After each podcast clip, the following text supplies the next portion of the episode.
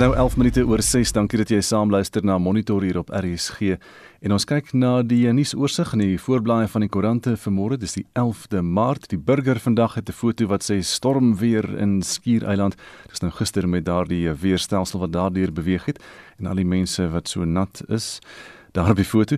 DNS krisis, die hoofopskrif: Koppe moet rol in polisie, agterstand landwyd nou 172000 sake, nuwe monsters stroom in. En dis die storie oor die agterstand dan in die polisie met uh, die ontleding van DNS monsters en DNS toetse. Al die besonderhede is dan daar in die berig op die voorblad van die burger vanmôre. Ook 'n berig wat sê Pitbull byt man 74 in sy kamer dood. Dis 'n inwoner van Woester wat Vrydag in sy huis in Riverview deur 'n pitbull doodgebyt is. Die 74-jarige Abraham Davids. En dan sien ook 'n berig wat sê 'n Bobbejaan ontspan lekker in die swembad in die snikhete 39 grade. Dit is 'n foto wat uit Mpumalanga kom waar die Bobbejaan so daar sit in die hoek van die swembad. Die voorblad van beeld vanmôre dan nou oor hierdie betoging gister hier uh, naby ons by Wits uh, Wits oproer lei tot man se dood. Bly sê dis Jay-Z want uh, bly in die man praat natuurlik oor uh, Jacob Zuma wat gesê het onderwys moet gratis wees en daar's nie geld nie. Skietwond lyk nie soos rubberkoel nie. Ons berig net hierna ook oor hierdie storie uh, op monitor vanmôre. Dan die ander berig op beeld eis Leiwag 15 jaar tronk toe oor die Pierneef saak Hy het toe nou sy tronkstraf gekry nadat hy daai pierneefskillery by die Vrystaatse regering gestuur het, 15 jaar tronkstraf. En dan kyk ons na die voorblad van die digitale Volksblad vandag, ook dan nou Eiswag moet 15 jaar tronk toe, dis Ricardo Metler is sy naam. En uh, berig hier wat sê Noord-Kaap Hoë in Hof oor kontrakte van 96 miljoen rand, al die besonderhede is daar, hy's vroegoggend aangekeer. En ook 'n berig in Volksblad vandag, teoloog Jan Durant sterf aan COVID-19. Net so vinnig internasionaal op bbc.com in Brasilië is daar weer 'n nuwe rekord. Die eh, land het meer as 2000 COVID-verwante eh, sterftes aangeteken in 'n enkele dag vir die eerste keer. En in Amerika in Washington het president Biden se 1,9 triljoen dollar COVID uh, plan is nou deur die hele kongres deur die huis van verteenwoordigers en deur die senaat. So dit is nou uiteindelik goedgekeur. En dis net so vinnige oorsig oor vanoggend se nuus. En nou iets heel anders. Vandag is internasionale nierbewusmakingsdag. In 2017 was daar byna 9000 nierpasiënte in Suid-Afrika wat dialyse ontvang het. Niersiektes gaan ook hand aan hand met twee ander Suid-Afrikaanse rillers, hipertensie, hoë bloeddruk en diabetes. Later in Monitor plaas ons die fokus op die 61-jarige professor Nico Swart.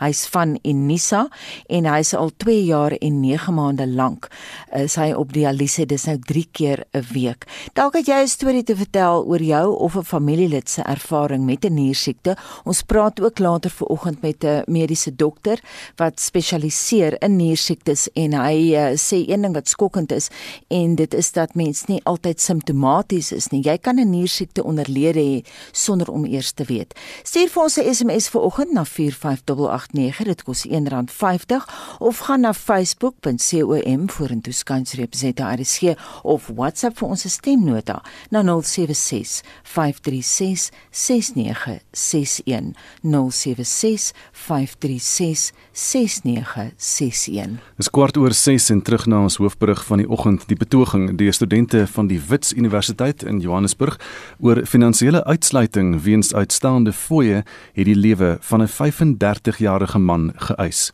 Die polisie het hom na bewering doodgeskiet net toe hy by 'n kliniek in Braamfontein uitgestap het. Ooggetuies sê die polisie het die man geskiet ten spyte daarvan dat hy aan hulle gewys het dat hy nie deel van die betoging was nie en dat hy pas die dokter besoek het. Die polisie, die ondersoekeenheid van na die polisie, die uh, onafhanklike ondersoekdirektoraat Oopot, het ondersoekers na die toneel gestuur. Ooggetuies sê die polisie het rubberkoels begin skiet om 'n groep studente uiteen te jaag wat motorbande in Jorissenstraat in Braamfontein langs die Wits Universiteit se hoofkampus aan die brand gesteek het. Die studente het in verskillende rigtings gespat, onder meer in die nabygeleë De Beerstraat. 'n Vrou wat in 'n haarsalon langs die kliniek in De Beerstraat werk, sê die man het pas uit die kliniek gestap toe hy glo deur 'n rubberkoel teen die kop getref is. This man was caught in a crossfire because he had just come out to consult a doctor. He was first shot on the head, not Metro, but by SAPS. We can even identify him. He got out of the car and shot him at close range on the chest, and he fell down. He tells the police officer that I am coming from the doctor and he produces a piece of paper as proof. But the police officer got closer and shot him on the chest and he fell down. When the doctor heard, he came out and tried to resuscitate him, but that did not help. Sommige studente sê die man was 'n onskuldige slagoffer. We were here. Mm-hmm. There was like four of us. There's four people and a bunch of civilians. Yeah. We were standing here. They came out. We came out. They all ran. We all, we ran and then they shot at civilians. Yeah. This is a civilian that they shot. That's what happened. Not even protesting. That's what protesting. We were not protesting. We were standing here because we were wearing the collar. He literally went to my clinic. They shot him. They shot him twice. Nadat die nuus versprei het dat een persoon doodgeskiet is, het studente in hul getalle opgedaag en in die middel van die pad bymekaar gekom, 'n meter weg van die slagoffer wat onder 'n silwer kombers op die sypaadjie gelê het. All we want is for police to take accountability. What we want is the government to intervene and take accountability. They must account on why they killed an, an innocent person in the streets of Bramfontein while we are fighting for financial exclusion. So, comrades, we are going to sit here until police account to us, until government officials account to us. Hulle het volgehou dat hulle nie die gebied sou verlaat voordat regeringsministers nie kom om hulle toe te spreek nie. Die lawaardige atmosfeer het egter gou somber geword toe die lijks wou opdaag om die lijk van die slagoffer te verwyder. Met vuiste omhoog het die studente agter die lijks wou aangestap en gesing: "Go well Johnny, go well soldier." Dit was bedoel as 'n eerbetoon vir die lewe wat verloor is tydens hul stryd teen finansiële uitsluiting. Die studente wil hê dat almal mag registreer om by Wits te studeer, selfs al het hulle uitstaande skuld. Die bestuur van die Wits Universiteit sê dat hulle baie hartseer is oor die dood van die 35-jarige man. Hulle het enige vorm van geweld veroordeel en vir kalmte gevra. Shirona Patel, die woordvoerder van Wits. The university notes with deep concern the escalation of the situation, which is regrettable, and the university calls on all persons to remain calm during this difficult time. The university remains committed to seeking creative, peaceful solutions to any outstanding issues in the higher education sector. Die polisieondersoekdirektoraat Opot het 'n span gestuur om die bewering te ondersoek dat die polisie vir die sterfte verantwoordelik was. Opot se woordvoerder, Ndileka Kola. So the directorate has dispatched a team of investigators to call in the crime scene and conduct investigation process and get any sort of information that would be valuable towards the investigation process. Die Gautengse polisie sê vier betogers is op aanklagte van openbare geweld gearresteer en is na die Heilbra polisiestasie geneem. Vincent Mufokeng Esai Garnis. Die parlement se komitee oor hoër onderwys het intussen die dood van 'n lid van die publiek tydens die studentebetoging by Wits veroordeel.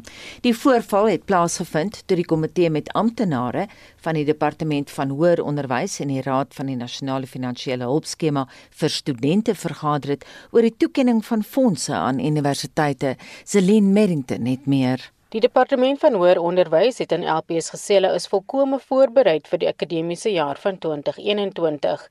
Maar terwyl hierdie bespreking plaasgevind het, is 'n man wat 'n kliniek in die omgewing besoek het, dood toe die polisie die studente met rubberkoels geskiet het. Parlementslede het die voorval veroordeel.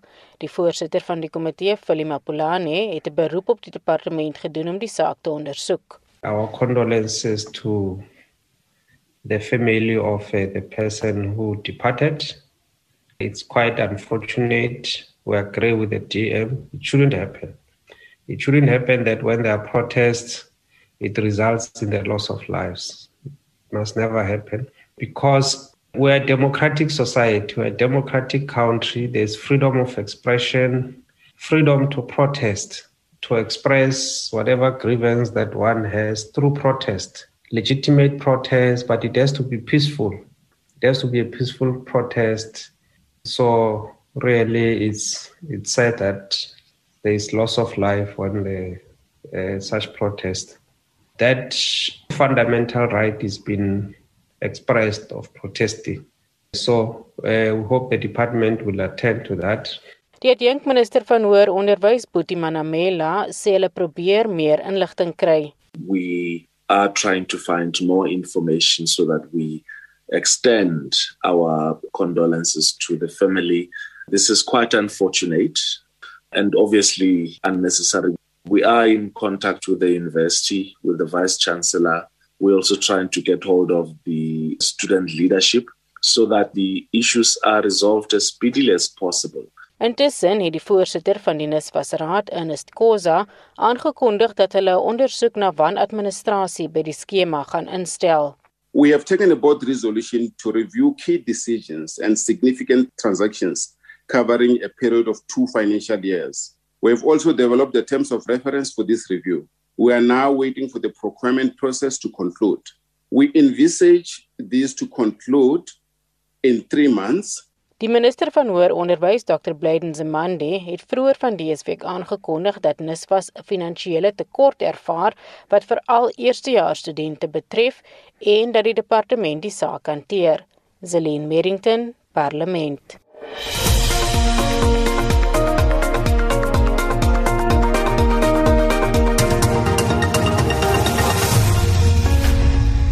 Die verspreiding van die COVID-19-enstof veral na armer lande word al dringender te midde van 'n gebrekkige vervaardigheidskapasiteit.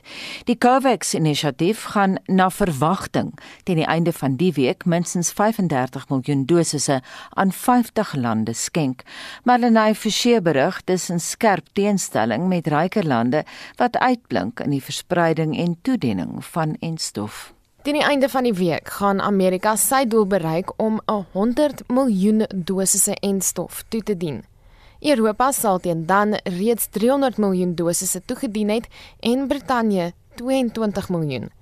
Hoewel COVAX sy Februarie doelwitte in Wes-Afrika bereik het, meen Gavi se bestuurshoof, Tabani Maposa, die toets op die stelsel bly uiters belangrik. We are still delivering a slightly less than we would have hoped at this particular time. The truth is, this has a lot to do uh, with uh, the supply constraint that uh, we are dealing with. We are trying to spread the love as much as we can, but uh, it is a, a finite pie that uh, can only stretch so far. Maposa sê minstens 96 miljard rand is reeds vir die saak bewillig en dat die aandag nou wegbeweeg van finansiering na verspreiding en voorrade. These resources count for nothing if we are not going to get the volumes that we need for the other world. So it's really reminding everybody that it's not just about the money at hand, but it's also about the vaccines at hand. But it's also with the manufacturers as well. There is a conversation to be had here in terms of uh, the commitments and the promises they have made and whether they adhere to those. And so behind the scenes, there is a lot of tough conversations that we are having. I mean, verder, die nuwe variante dra by tot groter druk. Equity is at the heart of it. And so for us, it becomes a moral argument. If Africa is going to be left behind or Asia is going to be left behind, any progress that is made in any country is not sufficient. We are not safe until everybody is safe. We have seen it with the, the, South African variant. We have seen it with the Brazilian variant. We have seen it with the British variant. The longer we leave the virus unattended out there, the higher the chances that it will mutate. Onderhandelinge om internasionale wetgewing rondom intellektuele eiendom by die Wêreldhandelsorganisasie op te hef tydens die pandemie vind reeds plaas. Maposa waarsku egter dat vervaardiging die grootste risiko inhou. The supply constraints are not an intellectual property issue. They are actually an issue of manufacturing capacity uh, and an investment on that uh, side of things. And so, uh, Gavi's position is uh, we need to double down in expanding the manufacturing capacity because right now, the biggest thing that we need to respond to is the supply constraint. Dit was Gavi se bestuurshoof Tabani Maposa. Die WHO het onlangs 'n vennootskap tussen Johnson & Johnson en sy grootste kompetisie Merck help bewerkstellig. Die maatskappye werk nou saam om enstof te vervaardig om die wêreld se enstofvoorrade op te bou. Hierdie verslag deur Sharon Bryce Peace in New York, Marlene Forsie, SAK nuus. En ons praat ver oggend oor niersiektes en uh, wat sê luisteraars? Ons open vandag se luisteraars terugvoer met Michelle Thomas wat haar ervaring op Facebook deel. Nou kan net sekere gedeeltes aan my kan die volle storie daar gaan lees. Sy skryf daar is min kennis onder die publiek oor hoe belangrik mense se niere is. Ons dink mos net dit help ons om urine uit te skei. Maar sy skryf verder, sy sê ons gesin se wêreld was op sy kop gekeer in November 2015 toe ons jongste kind se niere ingegee het. Rooikruis Kinderhospitaal in Kaapstad met sy fantastiese mediese personeel is nou vir 6 jaar deel van ons lewe. Dit is eintlik al 'n tweede huis want ma en kind is vir maande aan een in die hospitaal. Ehm um, hy was 2 en 'n half jaar op dialyse wat ek self hanteer het by die huis want sy het opleiding gekry by die hospitaal. Hy kon nie piepie nie, hy kon amper niks eet nie. Hy was beperk tot 500 ml vloeistof per dag en hy het nie gegroei nie. 10 ure aan een elke aand gekoppel aan sy dialyse masjien tesame met 'n voedingsbuisie in sy maag. Maar dan sê sy in 23 Januarie 2018 verander ons lewe weer eens en die keer ontvang hy sy kosbare skenknier op byna 7 jarige ouderdom. Ons is so dankbaar vir hoe positief die oorplanting vir hom was. Maar hy is nie genees nie, moet vir die res van sy lewe pille drink wat sy immuunstelsel onderdruk om te keer dat sy eie liggaam nie die vreemde nier aanval nie. En dan sê sy after te sê sy dank die Here vir hom man wat alles moontlik gedoen het, maar ongelukkig is hy verlede jaar dood aan COVID-19. So daar's baie mense wat ehm um, daar is stories is hierdie ons verstaan is 'n baie sensitiewe onderwerp vir baie mense en uh, onthou jy kan ook anoniem met ons praat op ons SMS lyn 45 889 en dan kan jy ook saamgesels op Facebook jy kan ook van stemnota stuur. En soos ek vroeër gesê het, bly ingeskakel vir praktiese raad van 'n mediese dokter oor niersiektes. Dis nou 6:35 en ons gaan na die sportveld. Hier is Shaun Jooste. Ons val weg met rugby nuus. In gister se voorbereidingsreeks wedstryde het die Cheetahs nalskraap met 39-38 in Bloemfontein teen die Sharks geseëvier en die Lions het die OP in Port Elizabeth met 54-24 afgeronsel. Die resultaatellings was 28-12 vir die Cheetahs en 21-12 vir die Lions. Cricket. Die Windies het Sri Lanka in die eerste wedstryd van hulle eendagreeks met 8 paltjies vermorsel. Shai Hope was die speler van die wedstryd vir sy 110 lopies vir die Windies. Die wedstryd nommer 2 vind môre plaas. In die plaaslike vierdagreeks het die Dolphins die Lions met 86 lopies verslaan. Die Protea draaibouler Keshav Maharaj het 13 paltjies vir 174 lopies in die wedstryd laat kantel. Die ander wedstryde tussen die Cape Cobras en Warriors en Titans en Knights het onbeslis geëindig. Die Protea kolwer Aiden Makram het 204 nie uit nie vir die Titans aangeteken. Sokker. In gisteraand se tweede been van die Kampioenligga se laaste 16 ronde het Liverpool vir RB Leipzig met 2-0 geklop en Paris Saint-Germain en Barcelona het 1-1 gelyk opgespeel. Liverpool en PSG is ook nou deur na die kwartfinale. In die Engelse Premier League het Manchester City vir Southampton met 5-2 oorrompel.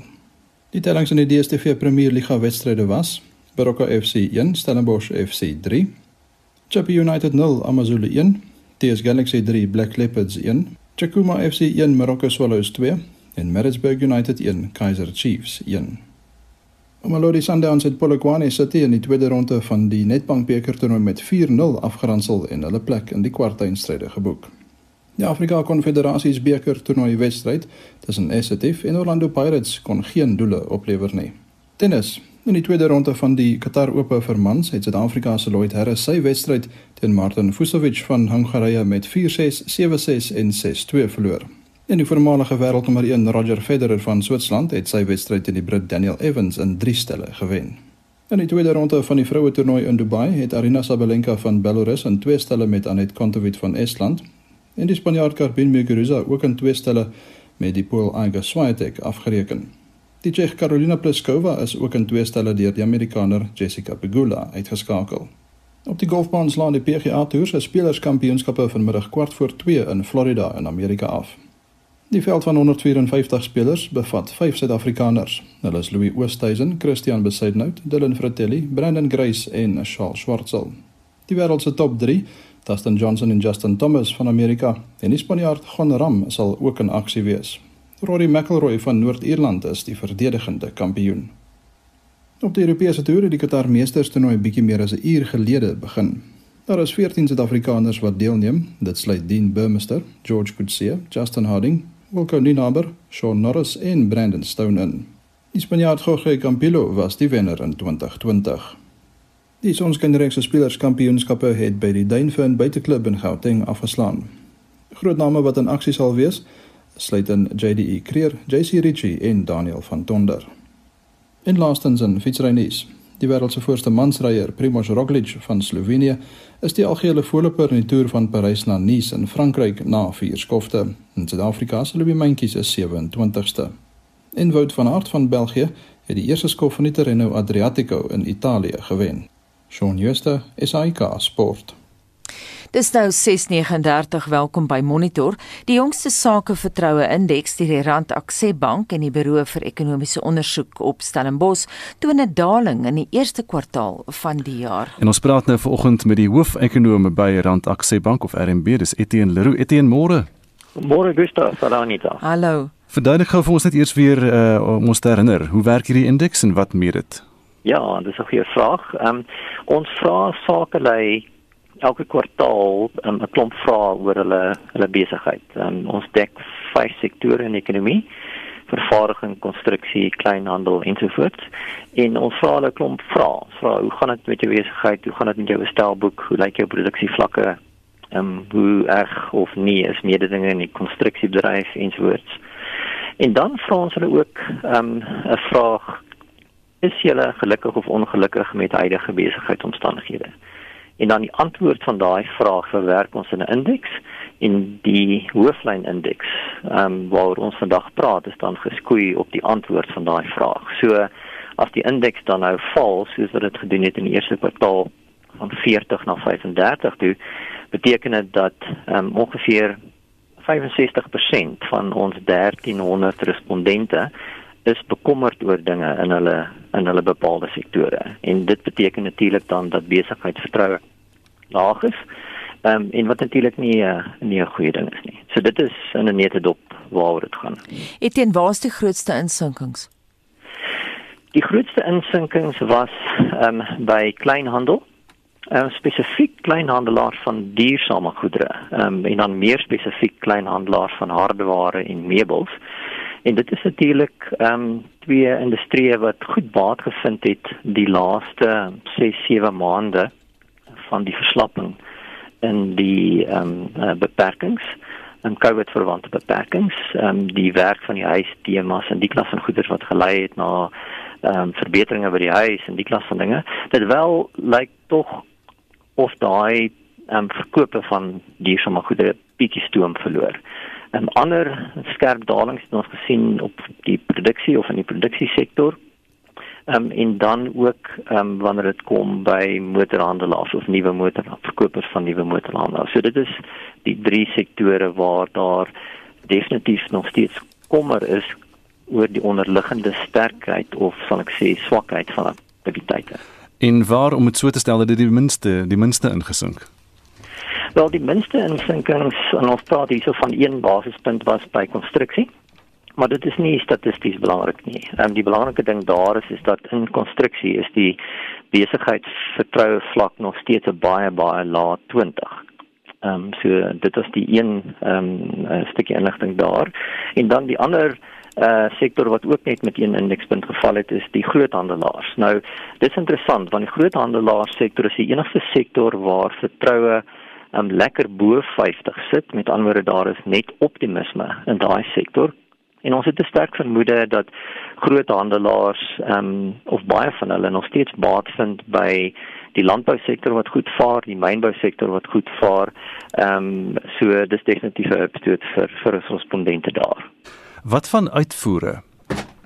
Ja, dit is dit is dis goeie nuus daai. Uh, Gustaf, ehm um, En dan hier beperk ons die gesprek natuurlik op uitvoere in die vervaardigingssektor. So in die vervaardigingssektor as jy bietjie dieper krap, dan sal jy sien dat uitvoerders in die vervaardigingssektor bly relatief goed doen en dit bou op die tempo van die tweede helfte van verlede jaar. So die wêreldekonomie wat opgeswaai het, ons hoë kommoditeitspryse, dinge gaan relatief goed ehm um, vir ons uitvoerders. Die kommoditeitspryse help natuurlik ons mynbou. Ehm um, die vervaardiging uitvoere vind baat by sterk buitelandse vraag soos wat ons 'n sterk oplewing gesien het in buitelandse handel. Ehm um, in kontras ehm um, vervaardigers wat goeder maak en dit dan in die plaaslike ekonomie verkoop. Daar gaan dit maar nog bietjie broekskeer. Ehm um, en dit is natuurlik weer eens 'n refleksie van binnelandse besteding um, wat nie baie sterk is op die stadium nie. As jy nou dink aan verbruiksbesteding in die breë, maar ook as jy dink byvoorbeeld aan private vaste investering is ook 'n baie groot komponent van binnelandse besteding en dit wil vir ons voorkom of besighede ehm um, juis as gevolg van lae besigheids ehm um, vertroue vlakke nie ehm um, ehm um, optimisties is of vinnig besig is um, om kapasiteit te bou um, na die groot terugslag in die tweede kwartaal van verlede jaar nie. Etienne, ons het jou nou gevra oor die grootste insinkings, maar watter sektore weerspieël tog 'n bietjie vertroue? Ehm um, wel die die een sektor soos ek gesê het wat ehm um, hoë vlakke van vertroue het is ons groothandelaars en daar's 'n paar hier is daarvoor wat ek reeds genoem het. Ehm um, daar sit die indeksvlakke net op eh, 'n uh, goeie 58. Ehm um, so dis baie hoog relatief tot die ander. Ekskuus. En dan soos ek sê, die ongelukkige ding is is dat vertroue vlakke in al die vier ander sektore maar baie laag bly. Jy weet, ons praat hierso van indeksvlakke van 20 in konstruksies soos ons reeds oor gepraat het, 'n 25 vlak ehm um, in in vervaardiging 37 wanneer dit kom by kleinhandelaars um, en so aan. Anita, wat ek wat ek dink ons moet ehm um, wegneem van, van die verslag van van gister is is dat ehm um, weet hierdie is 'n tydelike waarskuwing dat dinge gaan nog nie so goed met die ekonomie soos wat mense mag dink nie. Veral in die sektore waaroor ons vandag praat of baie van die sektore waaroor ons vanoggend praat. En dit beteken dat ou moet maar ek dink versigtig wees as jy dink oor die ekonomiese herstel wat die ekonomie gaan beleef in 2021 ja ehm um, na 'n groot insinking van verlede jaar gaan die ekonomie positief groei hierdie jaar. Weet dit is nie die debat nie. Ehm um, maar ek dink ons moet maar net versigtig wees dat daar daar is nog definitief baie onsekerhede wat ons respondente pla en een van daai groot onsekerhede is weet ehm um, elektrisiteit. En gister het ons nog maar weer 'n slegte nuus gekry van Eskom met fase 2 beerkrag. Ehm um, en dit is natuurlik ook iets wat ou maar moet fyn dophou. En ek dink nog iets wat wat ons ook maar pla en onseker laat is die feit dat ehm um, weer daar's nog steeds 'n moontlikheid van 'n derde ronde wanneer dit kom by die virus mm. en en hoe hoe wie weet hoe erg dit gaan wees en hoe die die staat byvoorbeeld ehm um, gaan reageer. En dan is daar ook so 'n bietjie vrae rondom die krag van die arbeidsmark en spesifiek die herstel of die stadige herstel van die arbeidsmark na die groot skokke van verlede jaar. En dit strook met met die feit dat verbruikers in die algemeen, huishoudings in die algemeen se het groot finansiële druk. Weet inkomste is onder druk en dit reflekteer in die feit dat spandering definitief nie baie sterk is um, relatief tot um, paar paar jaar gelede. Nie.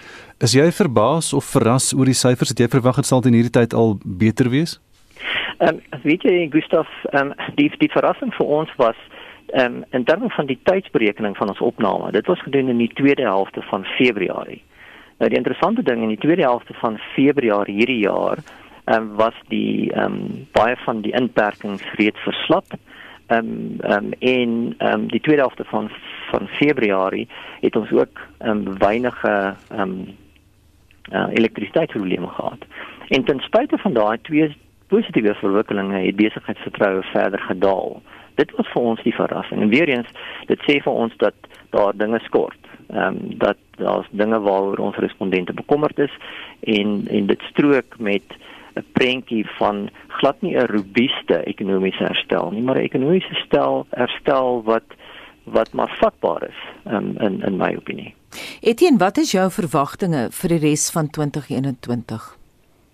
Wel Anita, ek ek dink ehm um, as ons nou praat oor die breë ekonomie, um, ek het vroeër gepraat oor ehm um, 'n ekonomie wat positief gaan groei. Dit is waar. Ek dink ons self dink ehm um, aan groei van omtrent 3.5%, miskien selfs 'n bietjie meer as dit in 2021.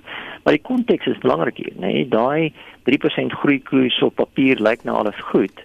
Um, maar dit kom na 'n uh, ongelooflike skok waar die ekonomie met 7% ingekrimp het verlede jaar. Daai groei koers van 3 of 3.5% is ook maar ehm um, tegnies met ander woorde, want dit kom van 'n baie lae basis af. Ehm um, ons gaan voorraadvlakke gesien opbou en net gaan die ekonomie opstoot gee en ons praat van uitvoere wat wat relatief goed vaar. Maar die grootste deel van die ekonomie verteenwoordigend in terme van binnelandse spandering, met ander woorde vaste investering en verbruiksspandering. Daar ehm um, lyk dinge nog nie baie goed nie. So ons moet dan net die die konteks verstaan van 'n 3.5% groeikoers. Ehm um, dit is nie omdat daar 'n ongelooflike sterk onderliggende storie is. Ehm um, ten minste nie vir die oomblik nie. Baie dankie dit dan die uh, hoofekonoom by die Randtak sê bank Etienne Leroux. Dis 11 minute voor 7 nou na 'n heel ander storie. Inwoners van onder meer Odendaalsrus, Virginia, Welkom en Ventersburg is gefrustreer weens 'n onvermoë om hulle plaaslike Machabeng munisipaliteit se amptenare in die hande te kry. En vir meer oor die stand van sake praat ons nou met die Vryheidsfront Plus raadslid in die munisipaliteit Susan Taljaard. Môre Susan. Goeiemôre Anita en môre aan die luisteraars. Wat het gebeur? Hoekom is die fone afgesny? Die fone is afgesny as gevolg van weens 'n wanbetaling. Ehm um, wat met jy wat jy binne betaal het aan Telkom nie. En hoe groot is daardie wanbetaling? Dis 'n reuse bedrag. Ehm um, ek het nie die presiese bedrag nie, maar ek weet dit is alreeds in begin Desember afgesny. Ehm um, as gevolg wat hulle nie hulle betaling kon uh, kon nakom nie. Susan, die Vryheidsfront Plus het blykbaar nou 'n skrywe aan die burgemeester, meneer Speelman gerig oor die saak. Wat was sy kommentaar? Hy het geen kommentaar gelewer nie. Ek het dit persoonlik aan hom gestuur. Op hierdie stadium nog geen kommentaar van meneer Speelman nie. Hmm. En hoe benadeel dit nou die dag-tot-dag werkinge van die munisipaliteit? Dit is 'n reuse probleem vir ons inwoners aangesien hulle ons ons besig is met 'n waardasierol en as ook klagtes ons infrastruktuur is reeds 'n probleem en hulle kan ongelukkig die munisipaliteit nie kontak nie. So jy het nou gepraat, jy het nou vinnig verwys dan na die waardasierol. Hulle is nou besig met hierdie munisipale eiendomswaardasierol en hulle sien dit nou in hierdie stadium. En die inwoners het nog wat is dit nog 4 dae kans om beswaar te kan aanteken daarteen.